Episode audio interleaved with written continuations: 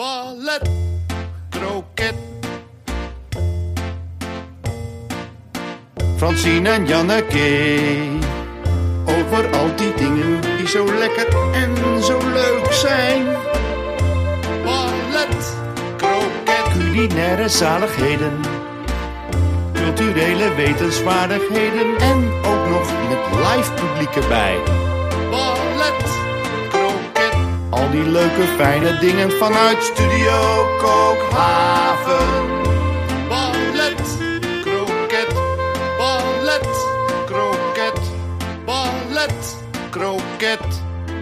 Welkom, lieve luisteraars, thuis, onderweg of waar je ook bent als je naar ons luistert.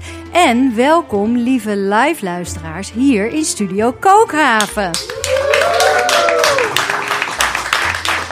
U hoort het, Ballet Croquet wordt opgenomen voor een live studio publiek. En we zijn dan ook de enige podcast met live reacties. En die komen binnen via de Ballet Croquet app. Ja, we hebben met dat geweldige publiek al genoten van de Ballet Croquet huisband onder de tweekoppige leiding van Arend Bouwmeester en Matthijs Groené. Zij geven ons altijd een privéconcert voor, ja, voor onszelf en voor onze gasten, voor ons publiek, vlak voordat de opname begint. En Francine, dan denk je al, dit is zo fantastisch. Dat denken we. Ja. Dat denken we iedere week. We gaan het hebben over dingen die het leven leuk en lekker maken, waarmee je het leven kunt vieren, versieren en verdiepen. En wij doen daar al 25 jaar onderzoek naar, Janneke. We kennen elkaar van ons werk op de redacties van Kunststof en Manjaren op Radio 1. En wat blijkt? Al die onderwerpen die we zo tegenkomen, die kun je plaatsen op de lijn van ballet tot kroket. Janneke, waar zit jij op die lijn? Ja, ik zit heerlijk. Ik zit ontzettend kroket vanavond. Oh. Ja, ik heb er weken niet gezeten. Oh. Zat ik helemaal in, in het balletterige.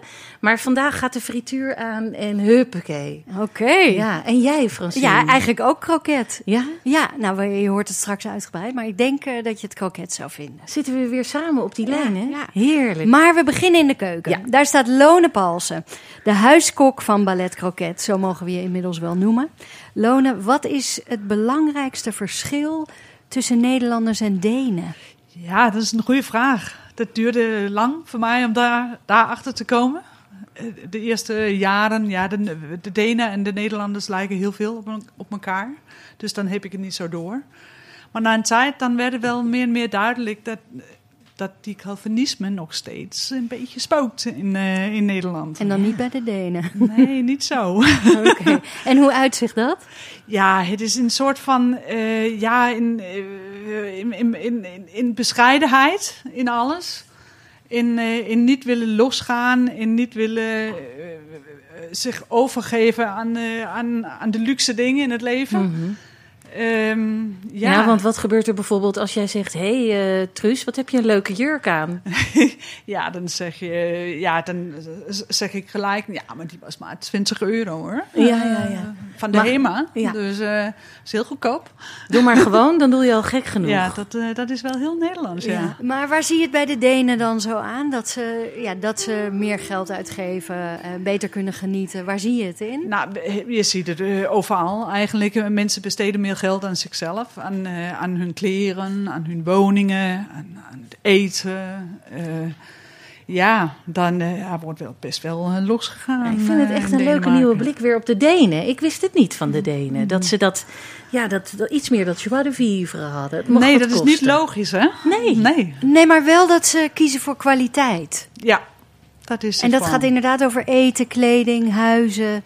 Ja, hè, het moet wel kwaliteit hebben en daar willen ze ook wel wat aan uitgeven. Wat dat Ja. betreft zijn wij als Ballet Croquet ook de meest Deense podcast die er is. Want wij kiezen ook altijd voor kwaliteit. Daar gaan we keihard voor. Kosten nog moeite gespaard. Dat zien we ook aan wie er hier tegenover ons aan tafel zitten. Eh, onze gidsen van de avond. Gidsen, dat zijn mensen die voor ons het hele culinaire en culturele landschap afgrazen en dan vertellen over wat zij daar deze week uit willen lichten. Bart Prinsen, jij werkt bij de NTR. Ja. Wat heb je voor ons meegenomen? Kun je een teasende opmerking daarover maken? Ja, ik zou zeggen. ehm vergeten namen. Vergeten ik voel, we gaan de balletkant op met jou. Dit dat wordt, zou heel dit- goed kunnen, ja. Dat, we eh, gaan de ik diepte ben in. helemaal uit die snackbar weggetrokken. Oeh, och, wat die contrasten, dat kleurt zo mooi, hè? Prachtig. Nou, daar gaan we van alles over horen straks. En dan hebben we Derek Mitchell te gast. Eh, jij bent, zoals dat dan heet in goed Nederlands, content creator, acteur, komisch talent met een groot taalgevoel. Eh, je bent een Amerikaan in Nederland.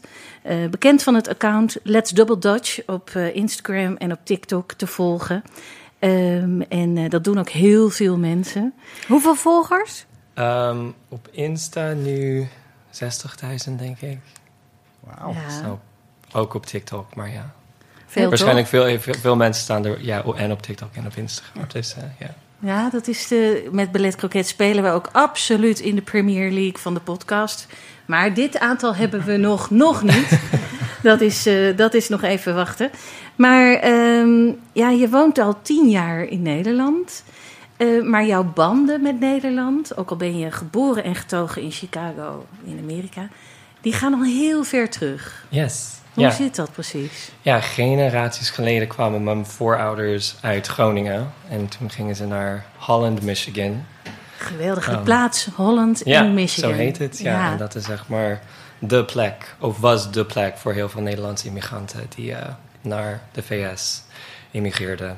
En ehm, ja, dus de helft van mijn familie identificeren zich als Dutch Americans, ehm, zo gezegd. Dat heb jij ook meegekregen in je opvoeding? Ja, heel erg. Ja. Ja. Maar de meeste Dutch Americans zijn best gelovig Mm. en conservatief. Ja, Dus wat dat betreft wijkt het een beetje af van de gemiddelde Nederlander. ja, Dus- ja, ja. Als je het hebt over het goed conserveren van het Calvinisme, dan Ja, eh, dat is heb je het over well de Dutch, Dutch Americans. nou ja, hartstikke fijn. Waar een klein land groot in kan zijn, zeggen we dan altijd. Eh, we horen er straks meer over, Dirk. ja. Janneke en Francine. Ja, Francine. Deze aflevering, we gaan alle kanten op. We gaan alle kanten op op de lijn van ballet tot kroket. Dat vind ik heel fijn. Maar luister, we zitten hier wel in een podcast. En dus beginnen we met jouw week. Wat heb je gezien, gedaan, gehoord, geproefd? Een heleboel, maar ik kies er één ding uit. eh, ja, toch ook helemaal aansluitend bij het internationale gevoel. Namelijk, ik was naar Comedy Café deze zaterdagavond. En dat was een eh, avond met Engelstalige comedians. Eh, en daar zat dus ook een publiek. Ja, dat was totaal internationaal. In Eh, Amsterdam, hè? Amsterdam, Eidok. En ik vind het echt een aanrader. Het is eh, ja, een, een hele. Jij zit, Dirk zit enorm te knikken nu. Eh, ken je het? Mhm, Ja? ja, heel goed, ja. Ja, nou ja, ik vond het heel verrassend. Eh, een hele goede MC heet het, geloof ik. Iemand die het aan elkaar praten. Echt die ongelooflijk makkelijk contact maakte met al die nationaliteiten die dan in de zaal zaten. Hij checkte meteen even of er dan ook echt geboren Amsterdammers in de zaal zaten. Dat eh, was ik eh, met mijn kinderen en de partners van mijn kinderen. En dat was het dan ook. De rest kwam uit België, uit eh, Nieuw-Zeeland, Australië, Amerika. Een geweldige rij met een vrijgezellenparty uit Londen. Een stel dames helemaal in bunny-kleding. Nou ja, en dat sluit meteen aan bij iets eh, wat ik. Dat gaat ook over hoe Nederlanders kijken naar zo'n eh, naar zo'n avond. En hoe anders dat is dan sommige andere nationaliteiten. Namelijk, een van de comedians zei: eh, Kijk, Nederlanders die gaan zitten. En die wachten even af of het wat wordt. Als jij een leuke grap maakt op het podium, wie weet, lach ik. Dat is ongeveer het tempo van eh, de Nederlanders. Eh, terwijl bijvoorbeeld deze Londense vriendinnenclub, die komen om te lachen. Dus bij, nou ja, bij de aanloop van de grap wordt er al gejoeld en gegild en eh, is het al leuk. En eigenlijk waren er wel meer nationaliteiten die wat makkelijker eh, lachten dan, eh, dan de Nederlanders. de wat zunnige Ja, Nederlanders. de zuinige Nederlanders. Ook wel eens leuk om eens een keer iets positiefs te horen over hun Britse vrijgezellenparty in Ja, Nederland. precies. Meestal vervloek je ze als je ze Ik ziet. zat net te denken, ik heb nog nooit zo, zo schattig horen vertellen over dames in bunnypakjes. Ja, nee, maar dan zitten ze dus goed in zo'n zo'n eh, zo'n zo'n omgeving eh, in en een café. Dat Ja. was eigenlijk inderdaad een hele goede omgeving. Nou ja, verder zaten er heel veel stelletjes die duidelijk voor het eerst met elkaar uit waren. Het is een soort hè, first date omgeving. Eh, dus ook wel een beetje onwennig. En dan is het heerlijk. Er worden daar wat grappen gemaakt. Sommige heb je wel wat mee, andere niet. Veel over seks natuurlijk. Eh, maar ook dus veel over verschil in nationaliteiten, verschil in culturen. Nou, die comedians gooien altijd hun eigen, hè, hun eigen neuroses eh, over de bühne. Hè, dat mag je allemaal horen. Ja. Dus ja, ik, ik vond het een hele leuke sfeer. Eh, mijn man en ik waren de oudste. Nou, wij zijn ook nog geen 60. De rest was allemaal inderdaad tussen de ja, 20 en de 40, denk ik. Eh, het heette dan Cocktails en Comedy. Eh 1650 eh, kom je binnen. Nou, ik vind het een ongelooflijk leuke avond. Eh, echt een aanrader. En eh, nou ja, ook met heel veel knipogen en een beetje met schuine oogjes over hoe Nederlands zich, Nederlanders zich gedragen. Dus ook bij het weggaan werd er ook gezegd. En misschien kunnen al die andere nationaliteiten dan even uitleggen aan de Nederlanders in de zaal dat er buiten een bak staat voor tip. Ah. En hoe dat dan werkt. En dat je daarin niet moet stoppen op een briefje hoe ze hun programma beter kunnen maken. Maar dat er geld in het, eh, in het bakje moet. Oh, wat goed. Echt nou, eh, Ja. comedycafé.nl. Ik heb gezien dat ze ook in Utrecht zitten. Ja. Dus In zo'n een Eh, van die werfkelders, volgens mij. Zo'n eh, groezelige kelder. Nou, daar gaat het denk ik ook helemaal goed. Maar Ja. dit was ook een leuke locatie, zo aan het ei. Ze doen de gordijnen dicht. En dan is het gewoon meteen een eh, lekkere nachtclubsfeer. Eh, ja, echt een aanrader. Leuk. En jij, Janneke? Ja, ik, ik zei al, het wordt een beetje kroketterig. Ik heb een heerlijke serie gekeken op Apple TV+. Ik heb al heel vaak gedacht, moet ik het hier in Ballet Croquet over deze serie hebben? Maar ja, het is, het, het is de serie Ted Lasso. Aha. Ehm, het is op Apple TV Plus. Dat is nog niet de grootste streamingsdienst in Nederland. Maar veel mensen die een Apple-product hebben, zitten er wel op. En het gaat over eh, een Amer- American football coach. Hij komt uit de Midwest van de Verenigde Staten. En hoe dat allemaal precies gegaan is, wordt niet meteen duidelijk. Maar hij wordt gevraagd door een Britse Premier League voetbalclub om daar coach te worden. Nou ja, hij gaat dus met zijn hele can-do mentaliteit, met positief coachen en met een grote glimlach en een vriendelijke snor, stapt hij dat oer-cynische Londense voetbalwereldje binnen. En eh, ja, doet, maakt alle fouten die je kan maken eh, in, zo'n, in het hele tactische plan. Want hij weet natuurlijk helemaal niet hoe voetbal gaat. Maar langzamerhand zie je in die serie, en het gaat dus ook heel erg over de verschillen tussen Amerikanen en Britten. Maar ook in zo'n voetbalteam zitten heel veel nationaliteiten, ook over al die verschillen. Daartussen zit ook een Nederlandse voetbalspeler in, Jan Maas heet hij, in de serie. En dat is ook een echte Nederlandse acteur die dat speelt. Ehm, en inderdaad, eh, die is eh, vaak heel bot en die zegt waar het op staat. Dus wat dat betreft. Direct, eh, hè? Direct, direct, noemen we dat Heel direct. maar goed, die serie is nu aan zijn derde seizoen bezig. Het is het laatste seizoen. En in dit derde seizoen gebeurt iets waar Nederlanders ja, helemaal van in vervoering raken. Als dat gebeurt in een, in een internationale serie, vooral in een Amerikaanse serie. Namelijk? Ze gaan naar Amsterdam. Er is een hele aflevering waarin het hele zootje naar Amsterdam gaat voor een vriendschappelijke wedstrijd. Het begint in de Amsterdam Arena.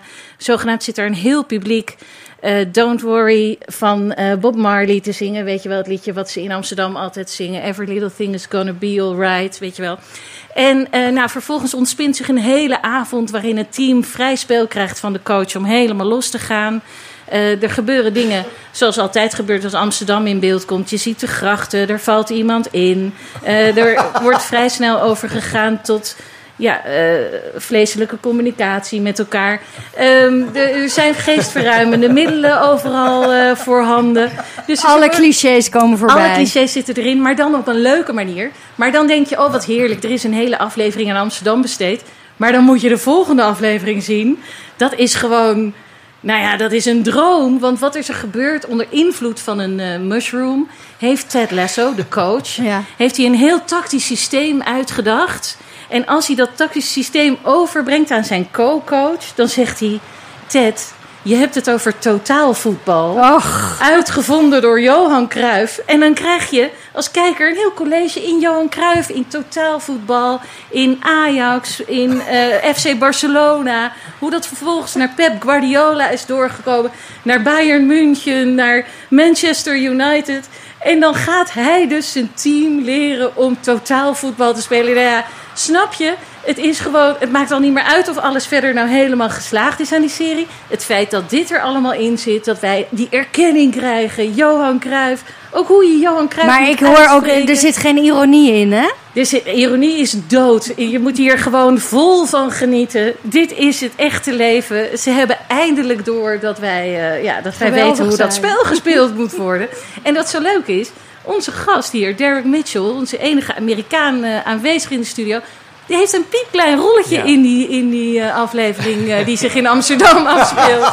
Klopt. Wat speel je daar, Derek? Een ober in een eh, American-style restaurant. Ja. Ja. En jij speelt dan weer een Nederlandse ober. Dat is zo eh, leuk, toch? Nou, dat is wel de bedoeling. Ja. Is dag een beetje wazig waar dat allemaal naartoe ging. Ja, dan is er al wat drugs in het spel. En dan Ja, is alles niet ja. meer helemaal duidelijk aan de verhaallijn. Maar goed, het is, eh, Het klinkt wel als een heerlijke serie. het is een heerlijke serie. Er zijn dus nu drie eh, seizoenen eh, online.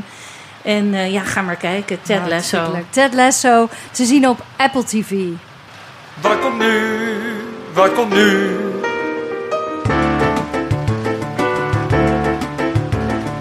Wat is het volgende eigenlijk? Wat komt er nu? Wat komt nu? Wat komt nu? Ja, we gaan het even helemaal anders doen deze keer. Want we gaan eh kennis maken met onze eigen band. Arend Bouwmeester en Matthijs Groené. Vandaag doen we Arend Bouwmeester. Want als je ze met z'n tweeën in één aflevering wil leren kennen... nou, berg je dan maar. Dat gaat echt niet lukken. En eh, we kunnen eindelijk vragen aan je stellen, Arend. Eh, daar verheugen we ons ontzettend op. Je bent de helft van onze huisband van Ballet Croquet. En ehm, ja, de mensen, de, de luisteraars van Ballet Croquet, vinden het een hartstikke leuke podcast. En als eerste noemen ze dan altijd de muziek, de jingles. En die komen allemaal uit de twee hoofden van jou en Matthijs Groené.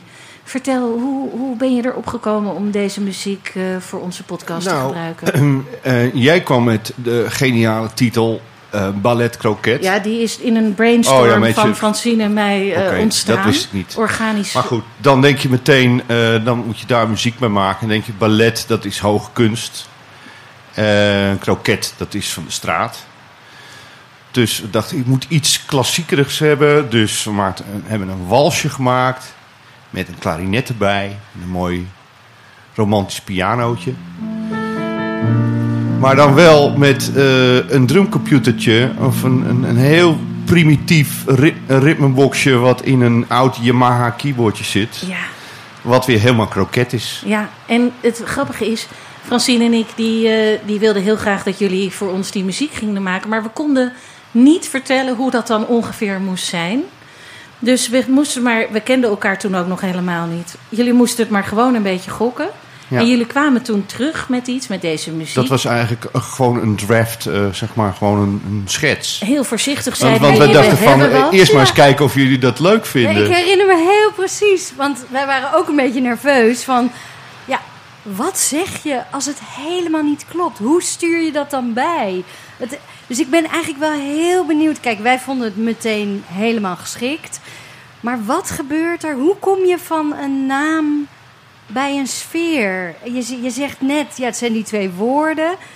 Maar ja, kan je er nog iets meer Nou ja, over kijk, als je iets, als je iets heel snel wil componeren, dan, eh, dan het kost het gewoon tijd om zelf een, ri- een ritme te programmeren of te doen. Dus dan gebruik je maar een drumcomputer of een rhythm track, iets wat gewoon al gemaakt is, gewoon al om, om dat nummer mee te maken. En dan kan je later kan je dat nog verbeteren en, en door de mooie, mooie instrumenten vervangen. Dus dit was eigenlijk echt een schets.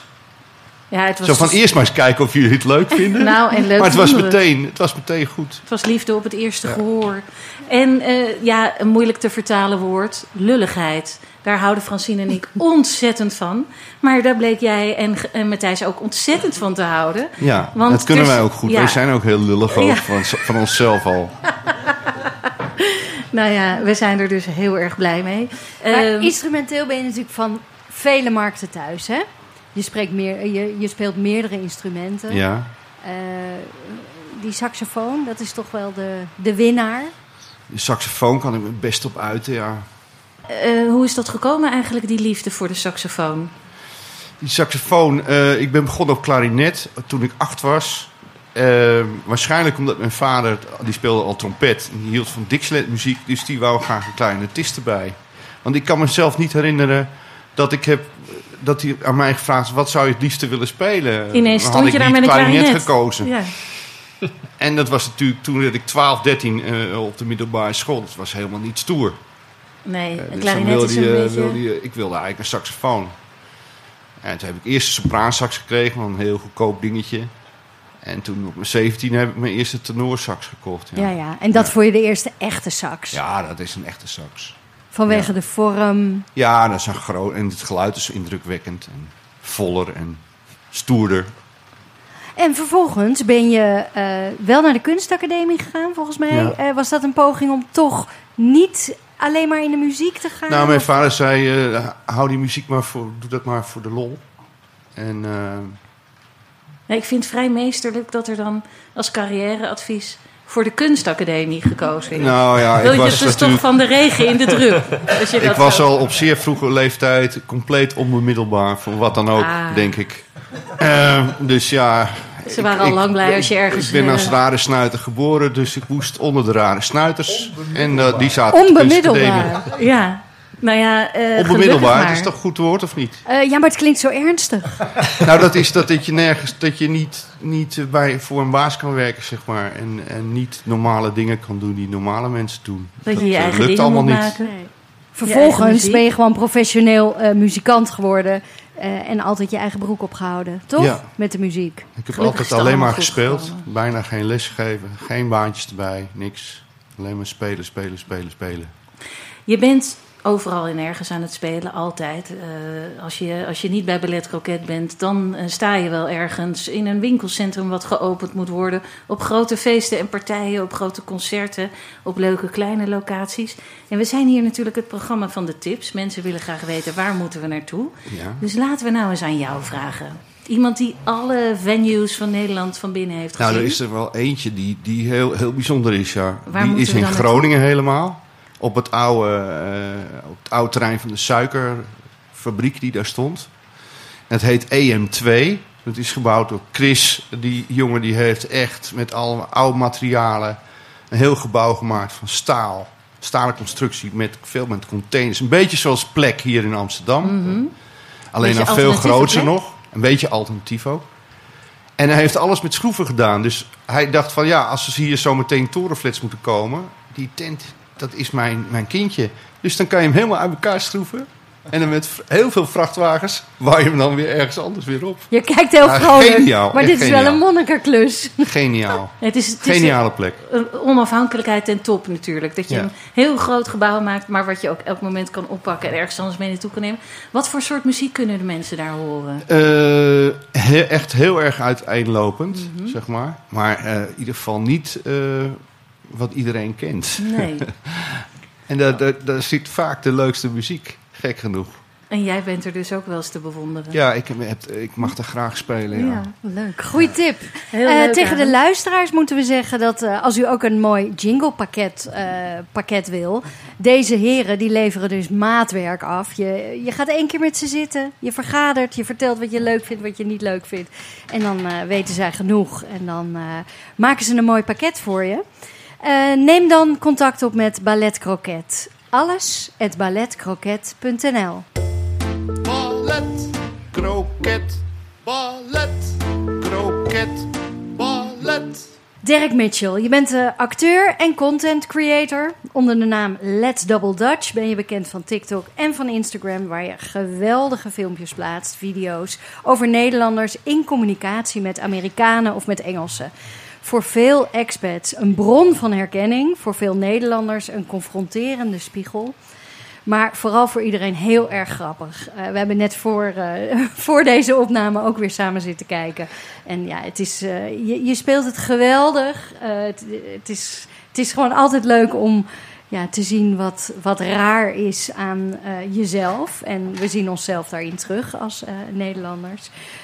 Ooit was er natuurlijk de allereerste keer dat je een video maakte. Weet je nog waar die over ging? Yes, dat was een video die ik tijdens eh, een van de meerdere lockdowns gemaakt heb. Ehm, over het zeggen van eet smakelijk. Als Eet iemand smakelijk. ziet eten. Ja. Ja, we kunnen als Nederlanders niet beginnen te eten voordat we hebben gezegd eet smakelijk. Gaat heel ver, hè? Ook als we iemand tegenkomen in een gang en die heeft een broodje in zijn hand, dan moet je eet smakelijk zeggen. Ja. Maar waar gaat dat dan mis? Ja, het ding is, want dan kun je wel letterlijk vertalen. Je kunt wel in het Engels zeggen, oh, eat, uh, enjoy your meal. Of heel erg letterlijk zeggen, eat tastily of zoiets. Um, maar, en je kunt ook wel bon appetit zeggen, dat, dat bestaat wel in het Engels. Maar het verschil is dat de drang er niet echt is in het Engels. Dat gevoel dat je dat moet zeggen tegen iemand, dat bestaat gewoon letterlijk niet in het Engels. Nee. Dus ook in de comments op die, film, die filmpjes zeggen mensen: ja, maar toch kun je zeggen: enjoy your meal. Ja, ja. Ik wil altijd zeggen, maar dat hoef je niet te zeggen. Nee, dat voelen en we niet. Het klinkt ook anders, want het, het Nederlandse eet smakelijk is heel dwingend. Ja. ja, ja, dat is zo. Je zegt eigenlijk hoe de ander het moet beleven. Ja, ja, ja. Je moet het wel lekker vinden. Ja. Unless, ja, ja. Ja, en het bestaat dus niet echt in sociale situaties. Behalve de restaurantsituatie waarin een serveerster misschien dat voor je neus zegt en zegt en, enjoy your meal. Ja. ja. Maar eh, dus de Amerikanen weten niet wat je aan het vertalen Maar bent. Het is ook een soort kick-off van de maaltijd, toch? Wat, zeg je dan in Amerika niks voordat je begint met eten? dat kun je wel zeggen. Of moet je bidden Oh ja, in de VS. even Of zegt een ober die ook een fooi verwacht. Iets Ja, heel ja. enthousiasts en vrolijks. Maar ehm, nee. Maar gewoon als je bij je familie thuis Nee. gaat eten, dan Maar ga is je het gewoon dig eten. in? Precies, is het is niet onbeleefd om dan te beginnen. Oh nee, helemaal niet. Nee, dan eet je.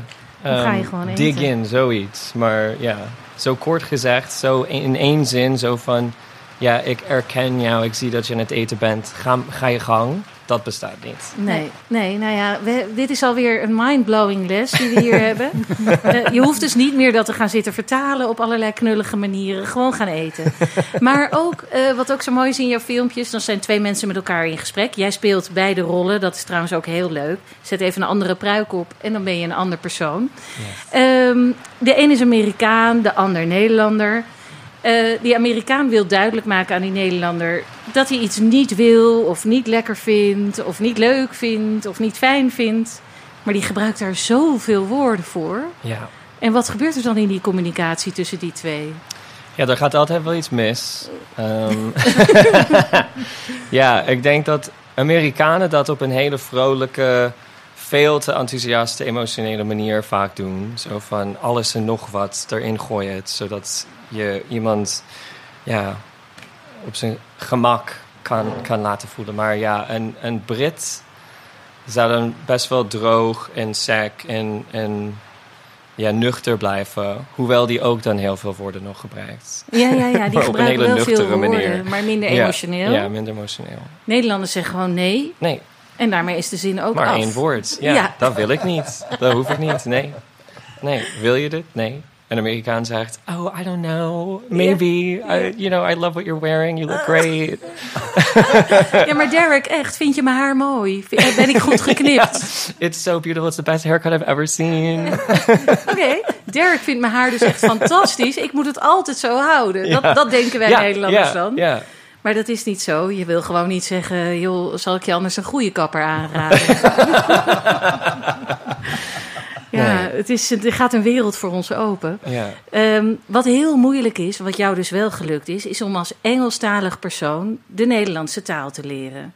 Want kom je in Nederland en ga je met je eerste geleerde woordjes... een winkel in of een restaurant binnen of een cafeetje... wat gebeurt er dan? Nou ja. Tegenwoordig zijn er ook heel veel Engelstaligen die in cafés werken in Amsterdam, merk ik. Dat Ja. is, ook sinds ik er ben, is dat veranderd eigenlijk. Omdat er zoveel internationalen nu in de stad zijn en hier werken. Maar ja, dat gaat... Ja, je hebt... Ja, en dit gebeurt met... al- Als je een taal leert, dan begin je met een script. Of zit je in een restaurant of loop je in een winkel in. Dan weet je, oké, deze zin moet ik zeggen. Zo begin ik. Mag ik een cola, alsjeblieft? Yes. En dan komt de ober of iemand met nog een vraag. En dan weet je, ja, dan komt die vraag. En dan moet ik zo reageren. Maar het moment dat een Nederlander in jouw stem, in jouw accent hoort... dat je van een uit een ander land komt... of erger nog, dat je misschien een beetje twijfelt... of je een beetje onzeker voelt... Mhm. meteen wordt er omgeschakeld naar het Naar Engels. het Engels. Ja, En, En eh, weg is je kans En om, weg is om de te kans. leren in ja, de En voordat je praktijk. het weet zijn tien jaar voorbij gegaan. En dan ben je een van die mega lullige expats die dan geen woord Nederlands Ja, Maar dan, ja. Dirk, jij bent expert. Eh, doen Nederlanders dat voor jouw gevoel om te laten zien hoe goed ze Engels spreken? Of om bij jou het ongemak weg te nemen? Ligt aan de Nederlander. Ik denk dat de, de meeste Nederlanders heel praktisch denken. En niet eens, niemand denkt erover na in het moment. Het gebeurt gewoon. Maar je denkt, ja, je Nederlands is een beetje zwak. Je Nederlands is een beetje, ja, je spreekt steenkool Nederlands. We gaan, we gaan in het Engels praten. Ik spreek heel goed Engels. Dus laten we gewoon in, in deze taal praten. Maar ehm, sommige Nederlanders willen heel graag laten zien dat, ze, dat zij Engels spreken. Of het goed Engels is, weet ik ook niet. Maar soms willen ze heel graag laten zien. Soms zit ik met een Nederlander heel lang te praten... en dan komt iemand anders naar binnen of zo. En dan meteen schakelen ze om. Om aan hun te laten zien... oh, ik zit met een Amerikaan. Ik kan ook Engels praten. Dat ben ik nu aan het doen. En kijk mij, dus ik kan alles zeggen wat ik wil. Ja, het is zo meesterlijk hoe je ons op de snijtafel legt, werkelijk. Ik heb nog nooit zo'n confrontatie gehad met mijn eigen Nederlandse eh, nationaliteit.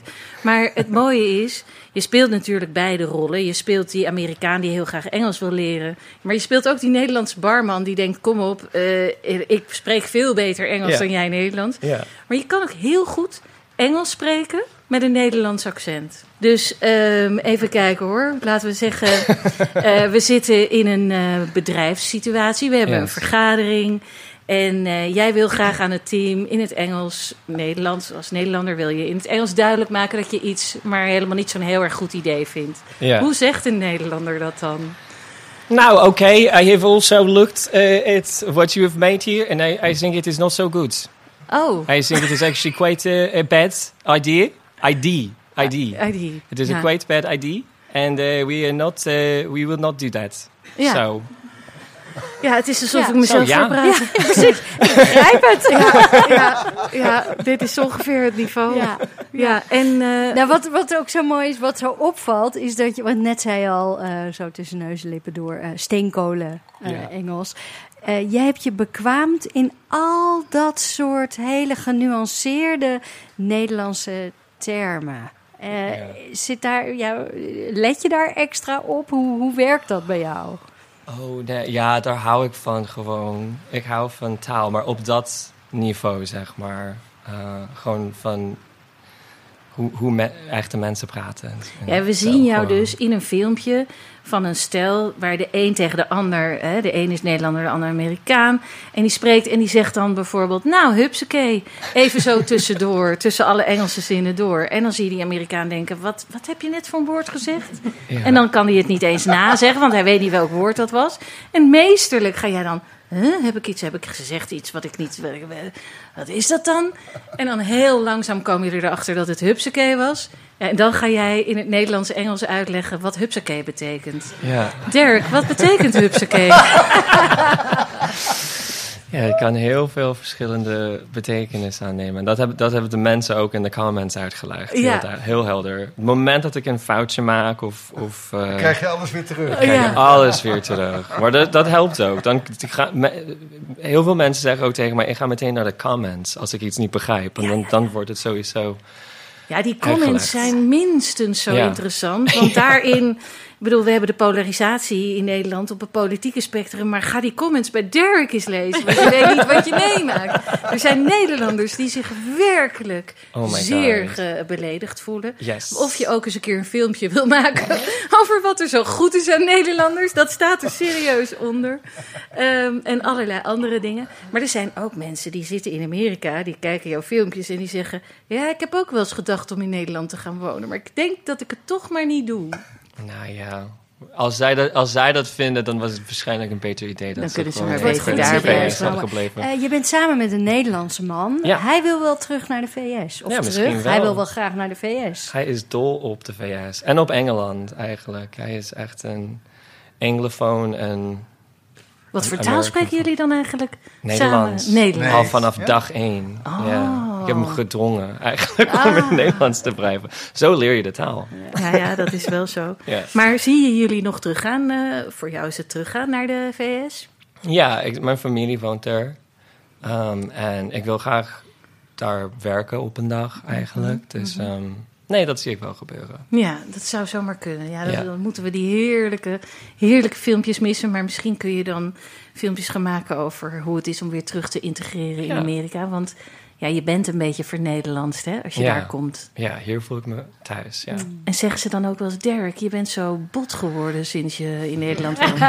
ja ik zat eh, laatst in Londen en ik, ik stond bij een vreselijke networking Event. event met een, een Engelse eh, vrouw te praten. Een belangrijk iemand eigenlijk in de comedywereld van, Mhm. van Londen. En ehm, ik, ik wist niet wie ze was. En zij stelde zich voor aan me en zei, ja, ik ben dit. En ik zei, oh ja, hoi, ik ben Dirk.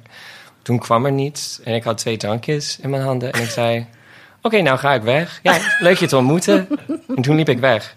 Nou, jullie vinden dat misschien be- best wel gewoon Ja, gepast. het maar was af. Ja, zij heeft me later een bericht gestuurd. Ze zei, ja, ik vond dat je best eh, bot was. Rude. Ik vond dat je curt was het woord wat zij Ah, kort gebruikte.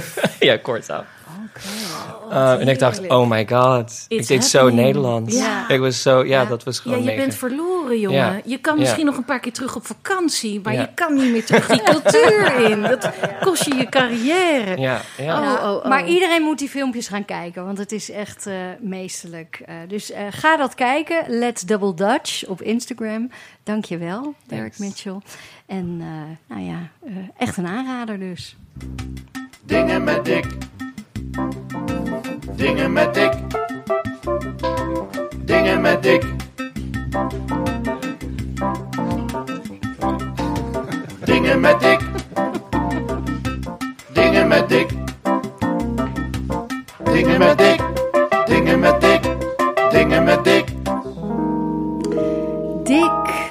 Fijn dat je er bent. We mogen weer reclame maken. De moneymaker van Ballet Croquet. Het mes snijdt aan alle kanten. De bedrijven die bij ons adverteren weten niet wat ze meemaken. De maandcijfers daarna, als ze die zien en wij houden onze broek ermee op. Welke fantastische merken mogen we vandaag promoten? Nou, eh, kijk eerst eens naar buiten. Eh, dat Ik kan zag niet, de gordijnen zijn dicht. Ja, het regent. Oh, met pijpenstelen. En, en kijk eens naar binnen. Ja, Kijk eens naar de gezelligheid. Jongens, de zon schijnt. Kijk de blijdschap. Oh, het is niet te geloven. Ik heb, ik heb, ik heb, Waar ik heb, zijn we? Ja, nou, ik- aan de Oosterschelde. Bij een ondergaande zon. Ik heb het iedereen uitgelegd die binnenkwam. Van, jee, kijk door dit glas wat jullie hier in jullie handen hebben. Kijk naar de grapefruit en kijk naar het logo. En kijk naar buiten. En dan zie je de ondergaande zon. De, de, de zon zakken in de Oosterschelde. En daar komt Hermit vandaan. Hermit Gin. Ja, Hermit Gin wordt gemaakt met bronwater uit de Oosterschelde. Oosterscheldewater. Dat is ja. fantastisch, een beetje lichtzilt. En ondanks het feit dat jij dat altijd vrij dwingend naar de mensen toe brengt... van kijk door je glas, Ja. zie dit, voel Ja. dat...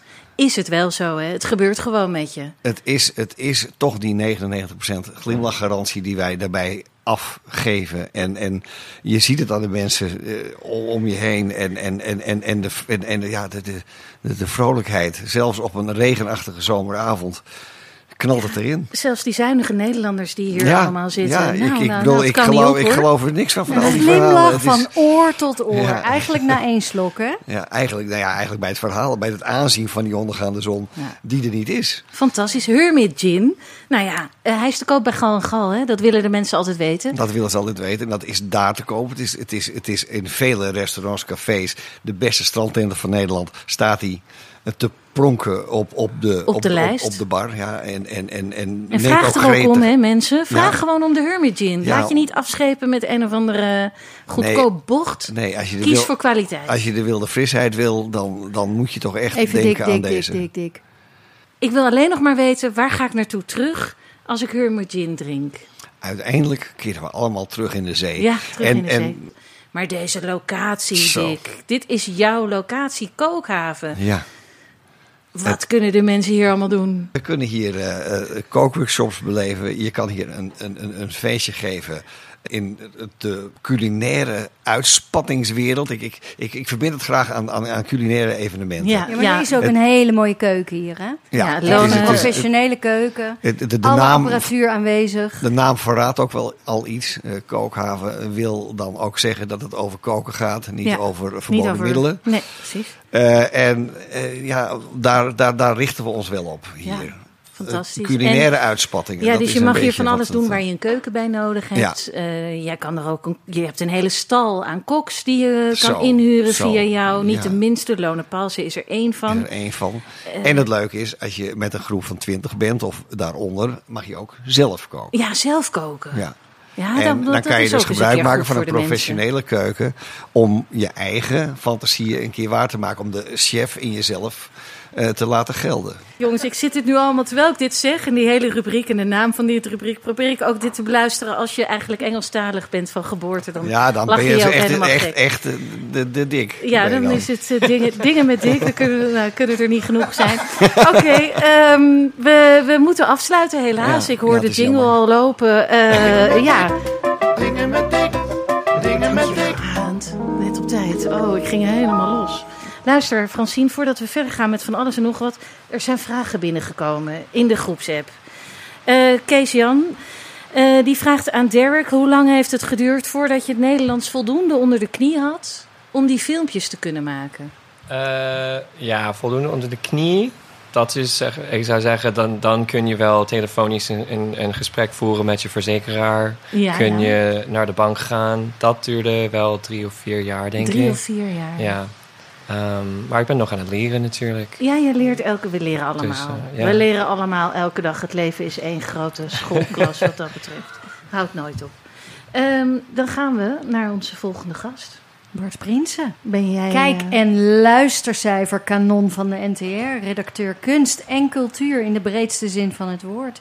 Je hebt weer iets bijzonders meegenomen. Ja, nou ja, ik, Vertel ik, eens. ik, ik, ik, ik- Oh, nu komt er een disclaimer. nou, nee, nee, maar ik zat gewoon te denken, waar op de lijn tussen ballet en kroket houden zich die vergeten namen op? De talenten die we niet meer kennen. De gedichten die we niet meer lezen. Ik zou er wel een rubriek voor willen oprichten. In Ballet Croquet. En ik begin er vandaag mee. Jongens, we hebben het, er is sprake van een eerste aflevering. We zijn allemaal getuigen van de geboorte van een nieuwe rubriek. Het. De Vergeten eerste vergeten naam is Dick Helenius. Ik heb hier een boekje. Ja, over dingen met Dick gesproken. Over dingen met Dick gesproken. Ik kwam op zijn naam omdat ik, ik was bij een, eh, een bullenuitreiking van de Universiteit van Amsterdam, Nederlandistiek. En een van de nieuwe masters had dus een scriptie geschreven over Dick Helenius en zijn iets wat scabreuze privéarchief. Daar weet ik verder niks van. Ik heb die scriptie niet gelezen, maar ik heb wel dit boekje nog eens uit de kast gepakt. Dick Helenius, dat weet niet iedereen, denk ik. Vandaar de rubriek Vergeten Namen. Eh, was bioloog, schrijver, dichter. Hij is in 1987 overleden. Zijn debuutbundel heette, ik hoop dat dat hier niet heel erg op weerstand stuit, tegen het vegetarisme. Oh, ja. Oh, En zijn hele leven streed hij tegen gezeten conformistische burgerij. De pleuters, zoals hij dat zelf noemde. De suffe zakken, de kereltjes. Die om welke reden dan ook op machtsposities zitten. In 1959 promoveerde deze Dick Helenius in de biologie. Op een proefschrift over chameleons. Ah, En na zijn promotie maakte hij allerlei reizen naar Afrika en Zuid-Amerika. En de- daar zie je ook weer de weerslag van terug in zijn boeken. En hij schreef ook veel stukken en gedichten. En Revisor, de Gids. Eh, Vrij Nederland heeft hij een tijd een rubriek gehad. Nou ja, alles alle wat vast zit, werd door hem bladen. beschreven. Ja. En eh, ik las in een eh, artikel in De Groene van Richter Roegold uit 2003. Als dichter was hij een stem van zijn tijd. Maar hij had een volgende generatie praktisch niets meer te zeggen. Oeh, wat En dat is dus nu oordeel. alweer twintig jaar geleden, Ja. begrijpt u wel. Dus ik denk, ik ga hem toch eventjes afstoffen. Ik herlas de bundel, het romantisch mechaniek. Niet in de laatste plaats, omdat ik ook wel een beetje op zoek ben naar mijn eigen romantisch mechaniek. Oh, oh, oh, wat hebben we nu? Dit is bijna een nieuwe rubriek. ja, op zoek oké, naar het maar dan gaan we dan mechaniek. op een andere... Kijk, ons gevoel voor romantiek, zegt Dick, die wordt bepaald door biologie. En dan wordt het interessant door de noodzaak tot vermijding. En ik herken mij daar bijzonder in. De noodzaak tot Hij vermijding. zegt letterlijk: veel mensen stellen zich doelen die zij niet kunnen bereiken. Daardoor zijn ze ongelukkig. Ze gaan klagen of ze worden rancuneus. Er zit een wormpje in het mechaniek en ze doen er niks aan. Maar het is verkeerd om je niet te onttrekken aan wat je pijn doet. Wacht Pijn is een waarschuwing. Het is verkeerd om je niet te onttrekken aan dat wat je pijn Ja, doet. ga Dus daar maar eens even op kouwen. Er Dat zit is een dubbele ontkenning Dat is nou echt een klassieke dubbele ontkenning. Oh, gelukkig. Kent u dat? Ja. Dus Professor Derk. hij zegt, hier, eh, hij zegt pijn is een waarschuwing. Pijn betekent hier zit je niet goed, wegwezen. Maar goed. Dus biologie speelt een rol, maar ook de muziek van, ik noemde hem al eens eerder in eh, dit programma, Erik Satie. Ah. Maar ook Maurice Ravel, Claude Debussy, John Cage. Wat is dat voor muziek? Een beetje van dat... Romantische muziek. Ah. Behalve natuurlijk misschien die van... Dit is Ja. Matthijs Hey. Gournay, mensen. Speelt dat is meteen onze eigen in. pianist. Meteen die romantische sfeer. Ja. En, en dus niet alleen die muziek maar hij, en die biologie, maar hij maakte dus ook die reizen. En daar schreef hij dan soms gedichtjes over. Bijvoorbeeld, eh, ik noem maar wat, De Markt in Cuenca, waarover hij dichtte... Het gemak waarmee de stevige mooie dame kippen de hals omdraait. Of liever gezegd, even uitrekt. Even te veel. Terwijl ze glimlachend praat met de cliëntele. Ah ja. Ehm, Is nou dit ja. romantisch? Of scabreus. Ik ben nog op zoek. Nou ja, ik weet het niet. Hij, hij had natuurlijk iets met dieren. Het, het, het, eh, belangrijkste wapen, of tenminste het, het wapenfeit waar mensen Dick Helenius nog wel eh, van kunnen herinneren, was de zogenaamde kikkeraffaire. Oeh. Dat, die speelde in 1957. Toen was er een boer en die, hij werkte zelf op het fysisch laboratorium in, in Amsterdam. En die boer die stuurde een brief en die zei dat hij in een sloot kikkers had gevonden in alle stadia van ontwikkeling, van kikkervisje tot kikker.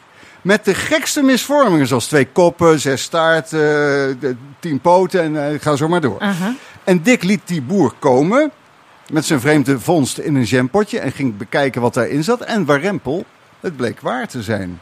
En toen ging het verhaal verder, want de sloot waarin de deformaties waren gevonden liep achter het Instituut voor Kernfysisch Onderzoek in de Watergraafsmeer. Hierachter. Oh, oké. En Dick begreep dat de chromosomen in de kikkerdril waren beschadigd door radioactief afval dat daar onbekommerd was geloosd. Nou ja, je kunt je voorstellen, er kwam een commissie om de sloot te inspecteren. En er waren geen gedeformeerde dieren in de sloot te vinden.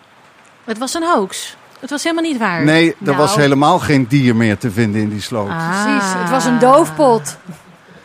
Nou ja, goed. Dus dat was de kikkeraffaire. Ik, ik, ik wil nog eventjes eh, naar Leo Vrooman, want, want eh, de, de bekende dichter. eh, want Dick schreef aan Leo Vrooman in, wat was het, 1973, een brief. Op papier van Hotel Crillon. Ik ga wat harder praten, want de regen... Ja, zijn, de weergoden zijn bezig om, om dit verhaal... En hij zei, als ik God was en naarmate Nixon langer duurde, zou ik de hele troep, minus de planten en de dieren, uitvegen. Met uitzondering van een paar rechtvaardigen.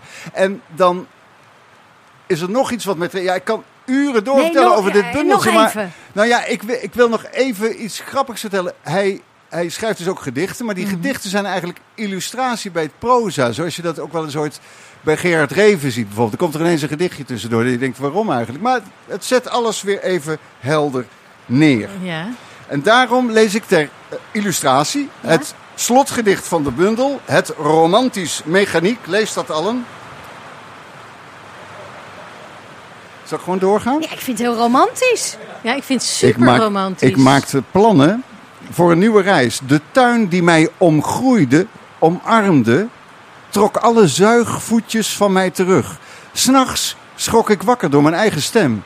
Alweer geboren worden, alweer armen en wortels en takken uitslaan, indringen en vergroeien met het daar bestaande, leren aanpassen, opnieuw vertrekken willen. Heel rustig lag ze naast me, glimlachend, toen ze mij troostte voor mijn eigen wenen. Oh, Bart. Ja, maar ik wil ook weten, want jij ging met een vraag. Ging je je weer met hem bezighouden? Je ging kijken, zijn we hem terecht of onterecht vergeten?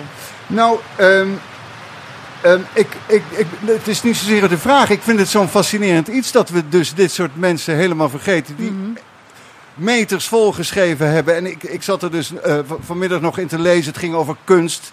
Hij zegt er zijn twee soorten kunstenaars. Je hebt kunstenaars die denken in hiërarchie. Wie is beter dan welke andere kunstenaar? En zit ik boven op die apenrots of iets lager? Hij zegt die apenrots bestaat in het dierenrijk niet eens. Nee. Maar je hebt ook andere kunstenaars, en dat, dat sprak me enorm aan, die creëren hun eigen universum. En laten daarin alles toe wat nodig is. Beetje zoals Derek doet, hè? Dat is Die veel beter. En een beetje zoals Bart Prinsen aan het doen is hier binnen Ballet Croquet. Nou, dankjewel. We hebben gewoon een vrijstaatje. We zijn eigenlijk gekaapt nu, hè? En we, we ja, nemen het maar met een glimlach Ballet. Croquet laat zich graag kapen. Ja, Dankjewel. Ja, het is prachtig. zo makkelijk zijn we dan ook wel weer. Dick Helenius, ga dat allemaal lezen. Dankjewel Bart Prinsen. Ai. Wie is de kok? Laat mij eens spreken met de chef. Ai. Waar is de kok gebleven, chef? Ai. Waar ben je nu? Laat mij eens spreken met de chef. Ai. Wie is de kok? Ai.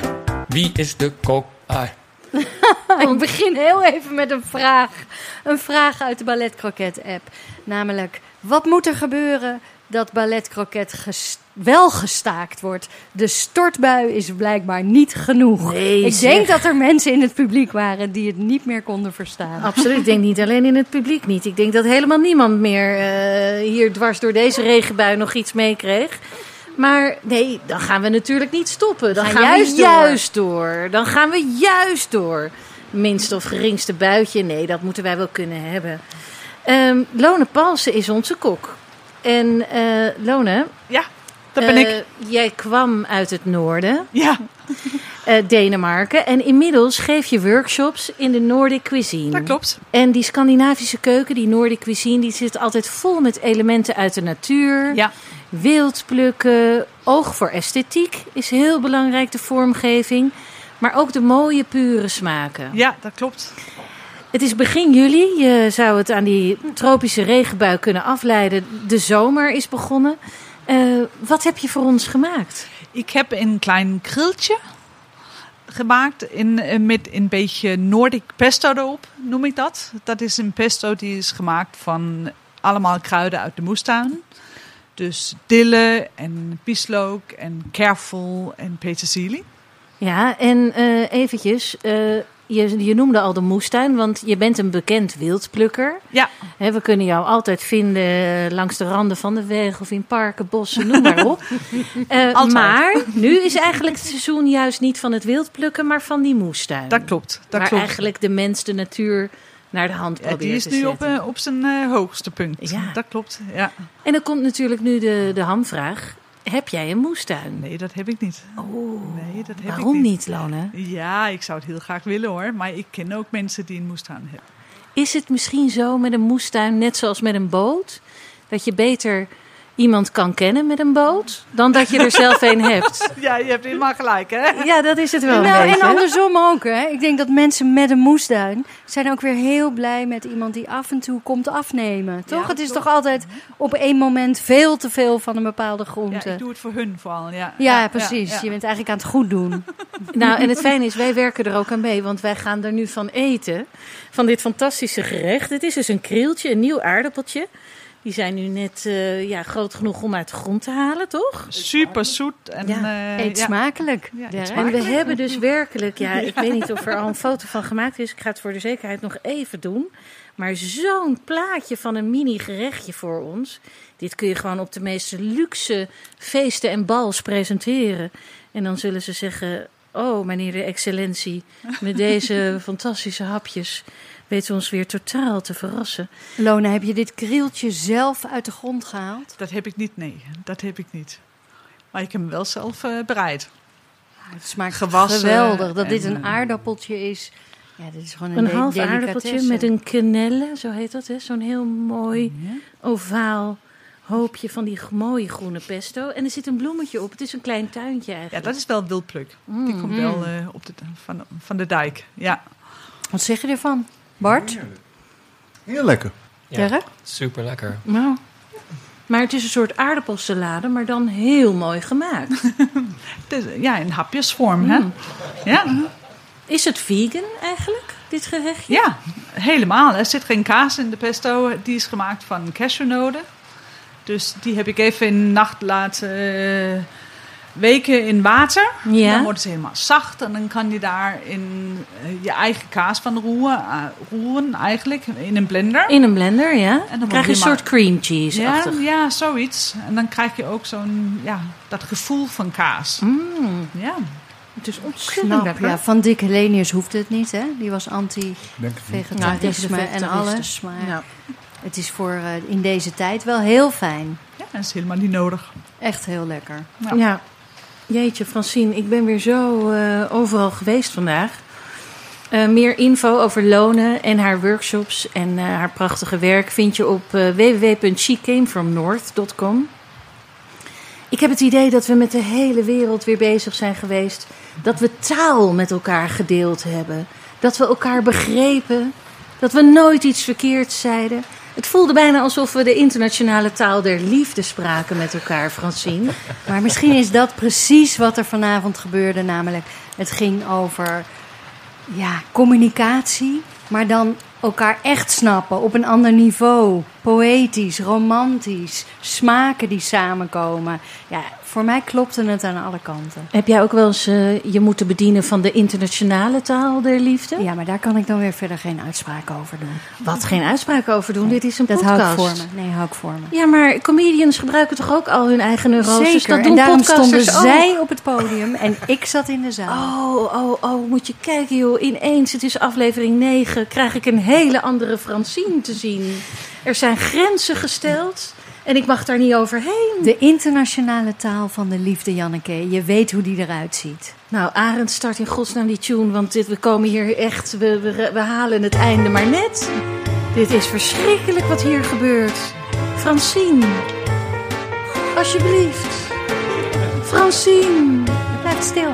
l'amour. Soms blijft het stil. Oh, jongens, hoe komen we hier overheen? Nou, lieve mensen, er zit niks anders op. Stem volgende week weer af op Ballet Croquet. Dit was de negende aflevering en we danken onze gasten Derek Mitchell, Bart Prinsen en Lone Palsen. Grote dank en een extra groot hartje aan onze technicus Arend Bouwmeester en de Ballet Croquet Huisband. Onder de tweekoppige leiding van Arend Bouwmeester en Matthijs Groené. Ballet Croquet werd opgenomen voor een live studio publiek. En wilt u ook een keer komen kijken en genieten van live muziek en goede sfeer? Dat kan. Stuur dan een e-mail aan alles@balletcroquet.nl. En wilt u adverteren in onze podcast? Dat kan ook hoor. Mail alles at balletcroquet.nl. Met grote dank aan de meest gastvrije Fries van heel Amsterdam, Dick Verweda van Studio Kookhaven. Wij gaan weer grazen. Tot volgende week. En onthoud, alles is ballet croquet.